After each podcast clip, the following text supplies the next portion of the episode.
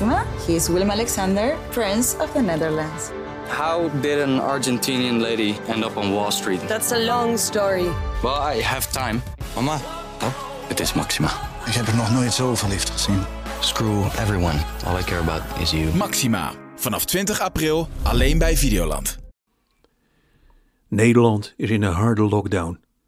Van mij had dat twee weken eerder gemogen, maar Black Friday was blijkbaar belangrijker. Voor wie het niet weet, Black Friday duurt zes weken. Iedere dag wordt gecommuniceerd dat het Black Friday is, ook op een dinsdag.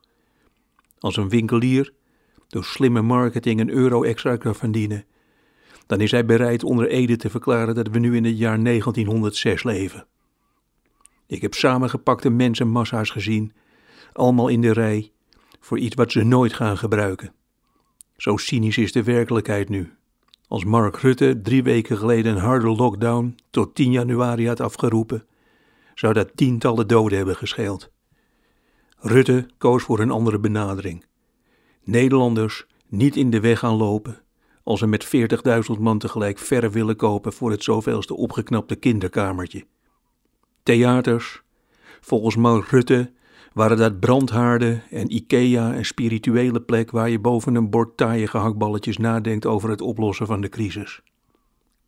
Wat ook steeds ergelijker wordt, de infantiliserende toon wanneer hij het volk vertelt wat er wel en niet mag.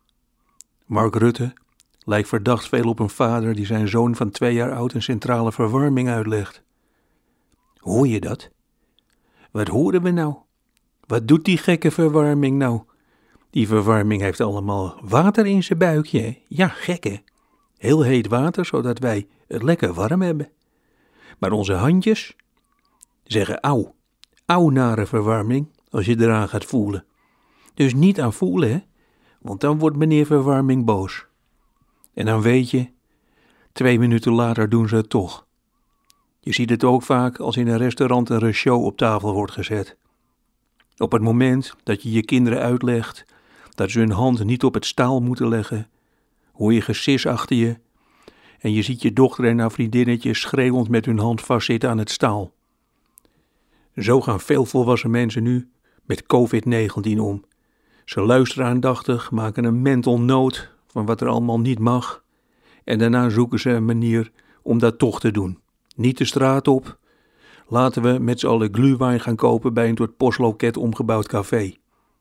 En wat nou als we Joep van het Hek laten optreden naast de broodafdeling in Albert Heijn?